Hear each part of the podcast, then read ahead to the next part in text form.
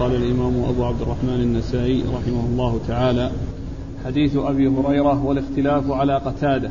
قال أخبرنا أحمد بن حفص قال حدثنا أبي قال حدثني إبراهيم عن الحجاج هو ابن الحجاج عن قتادة عن عبد الملك بن عبيد عن بشير بن نهيك عن أبي هريرة رضي الله عنه أنه قال نهاني رسول الله صلى الله عليه وآله وسلم عن تختم الذهب. بسم الله الرحمن الرحيم. الحمد لله رب العالمين وصلى الله وسلم وبارك على عبده ورسوله نبينا محمد وعلى آله وأصحابه أجمعين. أما بعد فقد فقد مر جملة من الأحاديث فيما يتعلق بخاتم الذهب وأنه حرام على الرجال لا يجوز لهم أن يلبسوه. قد ورد فيه جملة من الأحاديث مر جملة منها ومنها حديث أبي هريرة رضي الله تعالى تعالى عنه هذا وهو أنه قال نهاني رسول الله صلى الله عليه وسلم عن التختم بالذهب وهو, وهو دال على ما دلت عليه الأحاديث العديدة الثابتة عن رسول الله صلى الله عليه وسلم في تحريم الذهب على الرجال. قال أخبرنا أحمد بن حفص. أحمد بن حفص بن عبد الله بن راشد النيسابوري وهو ثقة. صدوق. وهو صدوق أخرج حديثه. أبو البخاري وأبو داود النسائي البخاري وأبو داود والنسائي. عن أبيه. عن أبيه وهو صدوق أيضا. أخرج حديث البخاري وأبو داود والنسائي وابن ماجه. عن إبراهيم. عن إبراهيم وهو بن طهمان وهو ثقة أخرجه أصحاب كتب ستة عن الحجاج وهو ابن الحجاج. عن الحجاج بن الحجاج وهو ثقة أخرج أصحاب الكتب إلا الترمذي. وهو ثقة أخرج أصحاب الكتب الستة إلا الترمذي. عن قتادة. عن قتادة من دعامة السدوسي البصري. وهو ثقة أخرجه أصحاب كتب الستة. عن عبد الملك بن عبيد. عن عبد الملك بن عبيد وهو وهو مجهول الحال أخرج حديثه النسائي وحده. عن بشير بن نهيك. عن بشير بن نهيك وهو ثقة أخرجه أصحاب كتب الستة. عن أبي هريرة. عن أبي هريرة عبد الرحمن بن صخر الدوسي صاحب رسول الله صلى الله عليه وسلم وهو أكثر الصحابة حديثا على الإطلاق. وهذا الرجل المجهول الذي في إسناده هو عبد الملك بن عبيد الحديث رواه البخاري في صحيحه عن قتاده عن عن بشير بن نهيك وبينه وبينه غير هذا الشخص وهو النضر بن أنس. والحديث ثابت وهو دال على ما دل عليه الأحاديث الأخرى الأحاديث الأخرى دلت عليه الأحاديث الأخرى المتقدمة المتعلقة بتحريم الذهب على الرجال. قال أخبرنا يوسف بن حماد المعنى المعني البصري. قال حدثنا عبد الوارث عن أبي التياح. قال حدثنا حفص الليثي. قال أشهد على عمران رضي الله عنه أنه حدثنا قال نهى رسول الله صلى الله عليه وآله وسلم عن لبس الحرير وعن التختم, التختم بالذهب وعن الشرب في الحناتم. ثم ورد النسائي حديث عمران بن حصين رضي الله تعالى عنه. وهو مثل ما دل عليه ما قبله فيه النهي عن التختم بالذهب وفيه النهي عن لبس الحرير. طبعا وهذا كله في حق الرجال وعن الشرب في الحناتم.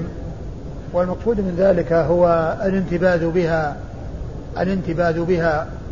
وقد مر في بعض الأحاديث النهي عن الدبة والحنتم أي الانتباذ بها. لكن عرفنا أن هذا قد نسخ بما جاء في حديث بريدة بن حصيب رضي الله تعالى عنه أن النبي صلى الله عليه وسلم قال وكنت نهيتكم عن الانتباذ في أوعية فانتبذوا في كل وعاء ولا تشربوا مسكرا. يعني أن النهي عن الانتباذ في الأوعية كالدبة والحنتم والنقير والمزفت قد نسخ بإباحة الانتباذ في أي وعاء لكن بشرط التحقق بأن ذلك النبيذ لم يصل إلى حد الإسكار. قال أخبرنا يوسف بن حماد المعني البصري. يوسف بن حماد المعني البصري وهو ثقة أخرج حديثه. مسلم والترمذي والنسائي بن ماجه. مسلم والترمذي والنسائي وابن ماجه. عن عبد الوارث. عن عبد الوارث بن سعيد العنبري وهو ثقة أخرج أصحاب كتب الستة. عن أبي التياح. عن أبي التياح وهو وهو يزيد بن حميد. نعم. وهو يزيد بن حميد أخرج له أصحاب كتب الستة. عن حفص الليثي. عن حفص بن عبد الله الليثي وهو مقبول أخرج حديثه. الترمذي والنسائي. الترمذي والنسائي. عن عمران.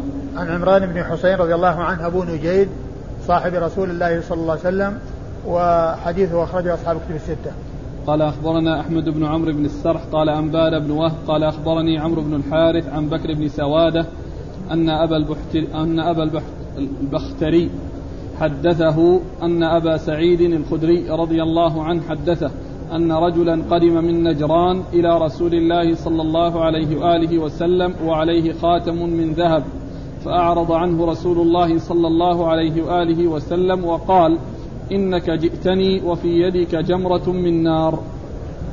ثم ورد النسائي حديث آه، أبي سعيد. أبي سعيد الخدري رضي الله عنه أن رجلا جاء من نجران وفي يده خاتم من ذهب فأعرض عنه رسول الله صلى الله عليه وسلم ثم قال له إنك جئتني وبيدك جمرة من نار يعني أنك لبست الذهب الذي هو حرام على الرجال وقوله جمرة من نار يعني معناه أنه يعذب به يعني إذا إذا لبسه وقد علم تحريمه فإنه يعذب به ويكون بمثابة الجمرة من نار.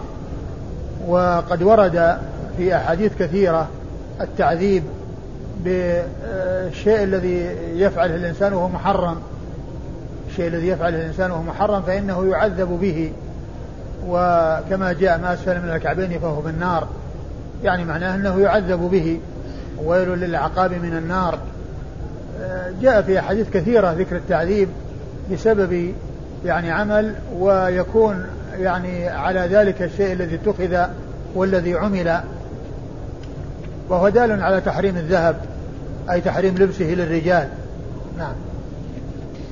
قال أخبرنا أحمد بن عمرو بن السرح. أحمد بن عمرو بن السرح المصري ثقة أخرج حديث مسلم وأبو داود والنسائي وابن ماجه. عن ابن وهب.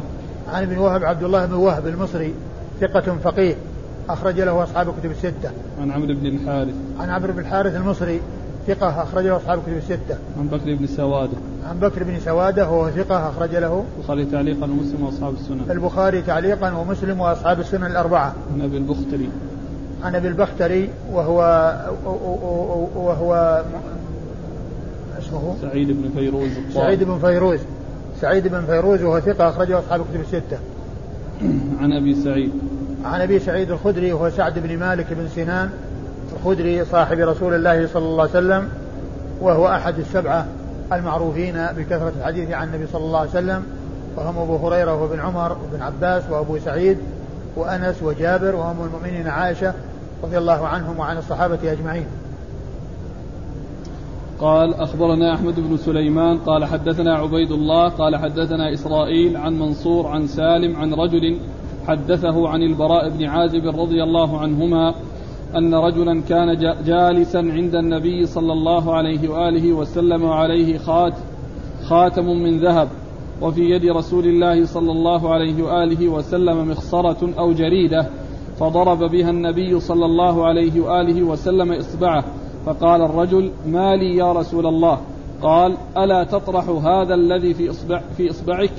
فأخذه الرجل فرمى به فرآه النبي صلى الله عليه وآله وسلم بعد ذلك فقال ما فعل الخاتم؟ قال رميت به. قال ما بهذا أمرتك؟ إنما أمرتك أن تبيعه فتستعين بثمنه. وهذا حديث منكر. ثم ورد النسائي حديث آه، البراء. البراء بن عازب رضي الله تعالى عنهما أن رجلا كان عند النبي صلى الله عليه وسلم وبيده خاتم من ذهب وبيده أي النبي صلى الله عليه وسلم مخصرة أو جريدة يعني وهي المخصرة هي العصا, العصا الصغيرة. والجريدة يعني هي عصا من النخل من جريد النخل. عصا أو آه، قطعة من جريد النخل كانت بيده فجعل يضربه فيها إيش؟ نعم. فضرب بها النبي صلى الله عليه وسلم إصبعه. ضرب بها النبي إصبعه فقال ما لي؟ يعني ما شأني؟ يعني آه ضربت إصبعي. فقال لا تطرح هذا الذي في إصبعك. فرمى به ولقي النبي صلى الله عليه وسلم بعد ذلك فقال ما فعل الخاتم؟ قال رميت به. قال ما كنت بهذا أمرتك وإنما أمرتك أن تبيعه فتستعين بثمنه أو بقيمته. لا بثمنه. تستعين بثمنه. آه الحديث دال على ما دلت عليه الأحاديث آه، المانعة من اتخاذ الخواتم للرجال أي خواتم الذهب. والأحاديث كثيرة دالة على ثبوت تحريم لبس الخواتم للرجال كما مر جملة منها وهذا يدل على ما دلت عليه تلك الأحاديث. وفيه آه، الحديث يشعر بأن النبي صلى الله عليه وسلم لقيه بعد ذلك وسأله عن الخاتم وما فعل الخاتم وما فعل فقال إنه رمى به قال ما بهذا أمرتك؟ وإنما يعني أردت أن تبيعه فتستعين بثمنه أي تستفيد من ثمنه لأنه إذا باعه يستفيد به من يحل له أن يلبسه يعني كالنساء. قال أخبرنا أحمد بن سليمان. أحمد بن سليمان الرهاوي وهو ثقة أخرج حديثه النسائي وحده. عن عبيد الله. عن عبيد الله وهو ابن آه، ابن آه، عبيد الله بن موسى الكوفي. وهو ثقة أخرج له أصحاب الكتب. نعم. أصحاب الكتب الستة. عن إسرائيل. عن إسرائيل بن يونس بن أبي إسحاق وهو ثقة أخرجه أصحاب الكتب الستة. عن منصور. عن منصور بن المعتمر الكوفي وهو ثقة أخرجه أصحاب الكتب الستة. عن سالم. عن سالم ولا أدري من هو آه ولكن يحتمل أن يكون هو سالم بن أبي الجعد لأنه هو الذي يروي هو الذي يروي عنه منصور ابن المعتمر يعني ممن يسمى سالم ممن روى عنه منصور هو سالم بن أبي الجعد وهو ثقة أخرجه أصحاب كتب الستة. عن رجل ولا أدري من هو عن البراء بن عازب رضي الله تعالى عنهما وهو صحابي بن صحابي وحديثه أخرجه أصحاب كتب الستة. لكن الحديث يعني آه، فيما يتعلق بتحريم خاتم الذهب يعني جاء فيها حديث كثيرة ثابتة عن رسول الله صلى الله عليه وسلم. قال هذا حديث منكر. قال هذا حديث منكر ما أدري إيش وجه النكارة. قال أخبرنا عمرو بن منصور قال حدثنا عفان قال حدثنا وهيب عن النعمان عن النعمان بن راشد عن الزهري عن عطاء بن يزيد عن أبي ثعلبة الخشني رضي الله عنه أن النبي صلى الله عليه وآله وسلم أبصر في يده خاتما من ذهب فجعل يقرعه بقضيب معه فلما غفل النبي صلى الله عليه وآله وسلم ألقاه قال ما أرانا إلا قد أوجعناك وأغرمناك. خالفه يونس رواه عن الزهري عن أبي إدريس مرسلا. مورد النسائي حديث أبي ثعلبة الخشني رضي الله تعالى عنه وأنه كان في يده أو في إصبعه خاتم من ذهب فقرعه النبي صلى الله عليه وسلم بقضيب كان معه فلما غفل النبي صلى الله عليه وسلم يعني أخذ به ورماه أو ألقاه فقال عليه الصلاة والسلام ما أورانا إلا أوجعناك وغرمناك أو أغرمناك. يعني أوجعناك يعني في يعني الضرب بهذا القضيب وأغرمناك يعني أن هذا الشيء الذي كان يعني آه، أخذه أنه آه، منع منه. لكن هذا لا يدل على أنه يضيع أو أنه مال يضيع وأنه لا يستفاد منه وإنما يستفاد منه بأن يباع أو يعطى لمن ينتفع به كالنساء نعم. قال أخبرنا عمرو بن منصور عمرو بن منصور النسائي ثقة أخرج حديثه النسائي وحده عن عفان عن عفان بن مسلم الصفار وهو ثقة أخرج له أصحاب كتب الستة. عن وهيب. عن وهيب بن خالد ثقة أخرج له أصحاب كتب الستة. عن النعمان بن راشد. عن النعمان بن راشد وهو صدوق سيء الحفظ أخرج له صدوق سيء الحفظ أخرج له البخاري تعليقا ومسلم وأصحاب السنة. البخاري تعليقا ومسلم وأصحاب السنة الأربعة. عن الزهري. عن الزهري محمد بن مسلم بن عبيد الله بن شهاب الزهري ثقة أخرج له أصحاب كتب الستة. عن عطاء بن يزيد. عن عطاء بن يزيد الليثي وهو ثقة أخرج له أصحاب كتب الستة. عن أبي ثعلبة. عن أبي ثعلبة الخشني جرثوم بن ناشر رضي الله تعالى عنه وحديثه أخرجه أصحاب الكتب الستة.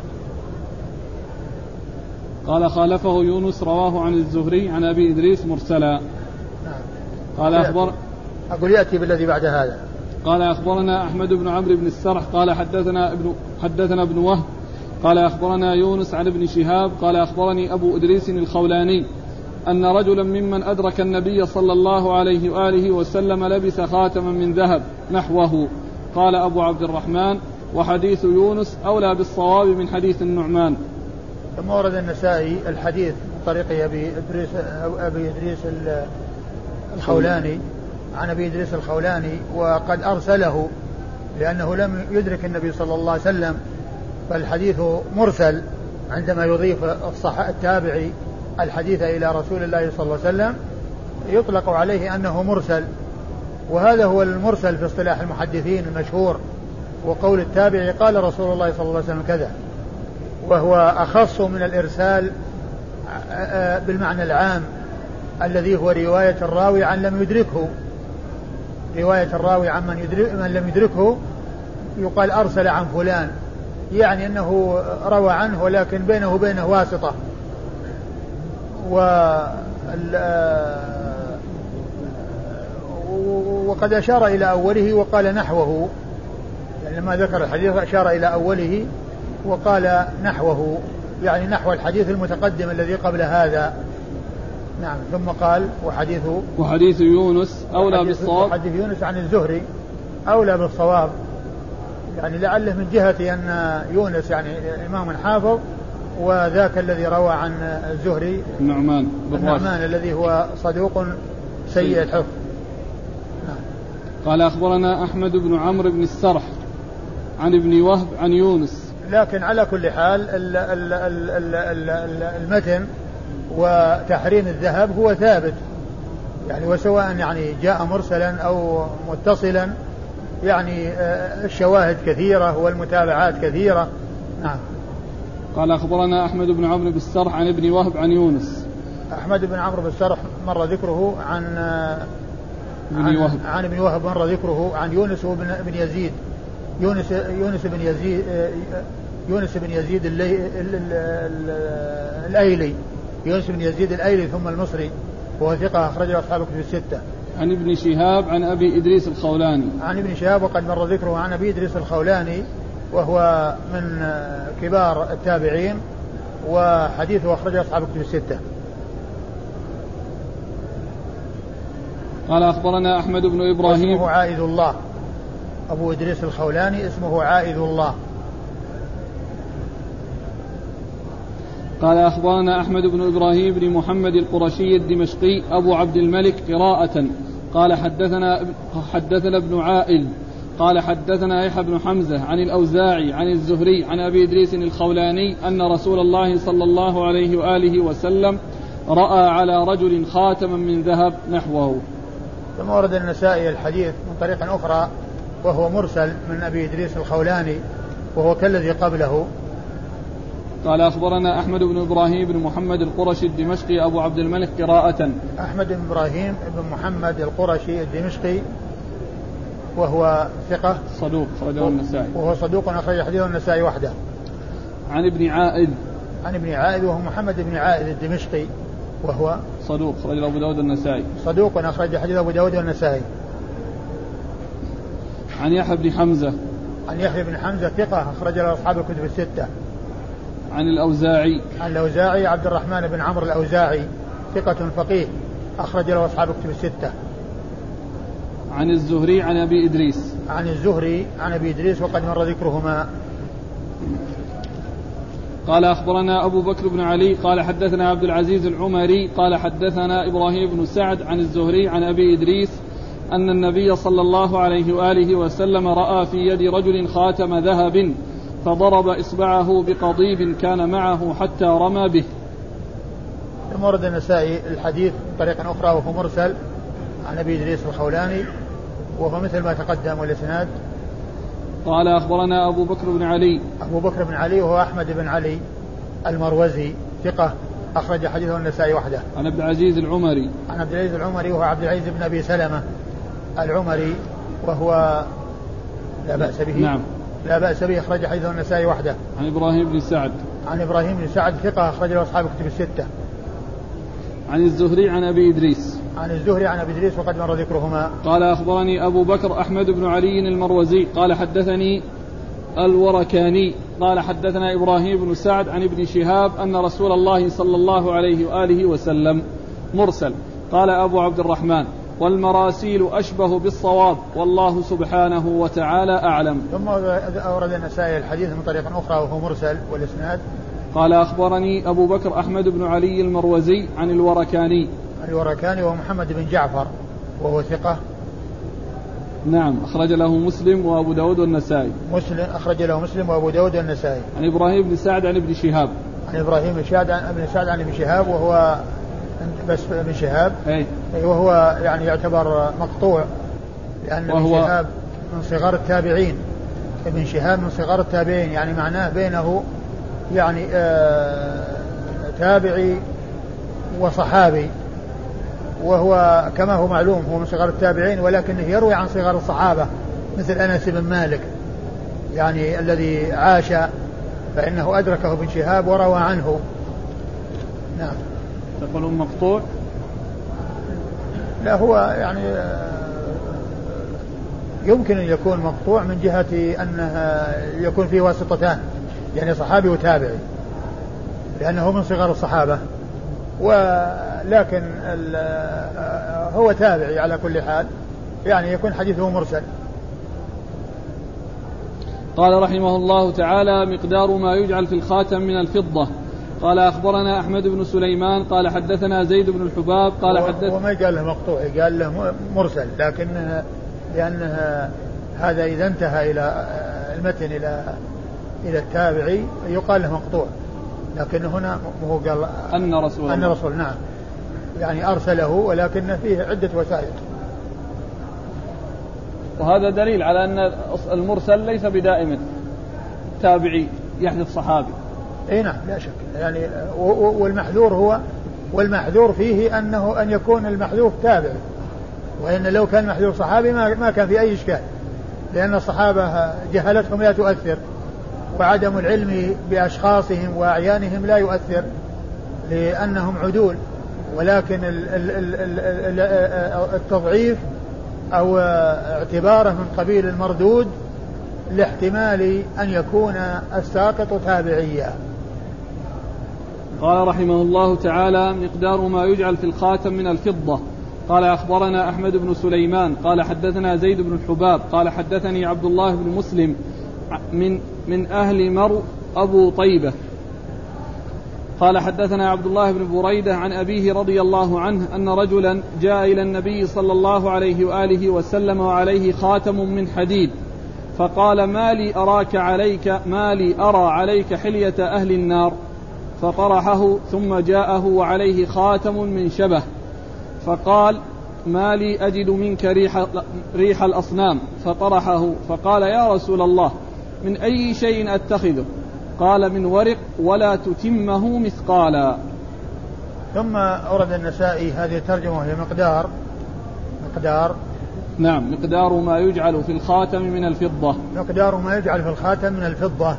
يعني ال ال اتخاذ الخاتم من الفضة ما مقداره وأشار بهذه الترجمة إلى ما جاء في آخر الحديث من جهة أنه لا يتمه مثقالا يعني إشارة إلى عدم التوسع فيه وعدم تضخيمه وتكبيره وأنه لا يتمه مثقالا يعني من حيث المقدار.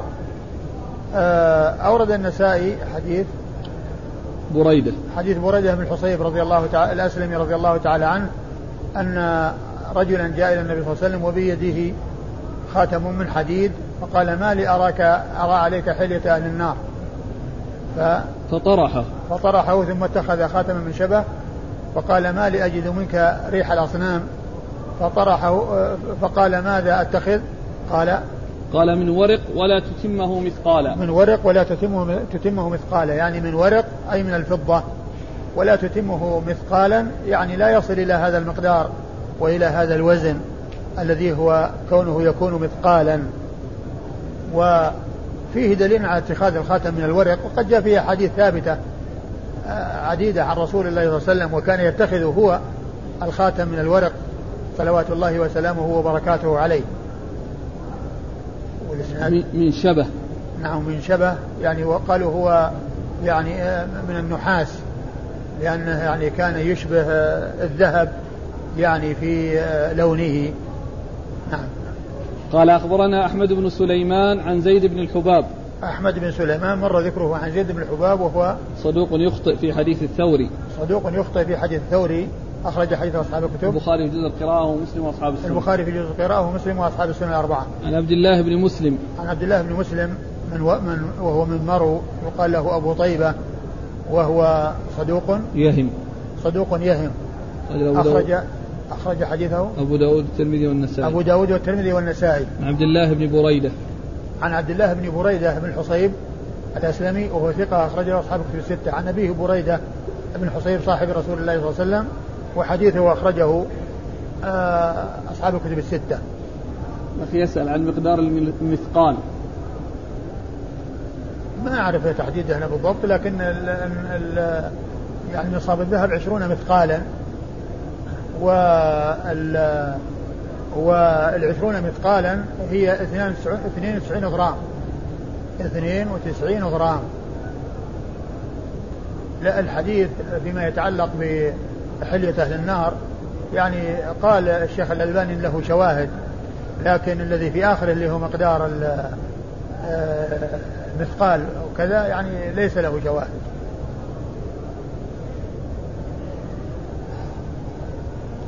قال صفة خاتم النبي صلى الله عليه وآله وسلم. والله تعالى أعلم وصلى الله وسلم وبارك على عبده ورسوله نبينا محمد وعلى آله وأصحابه أجمعين.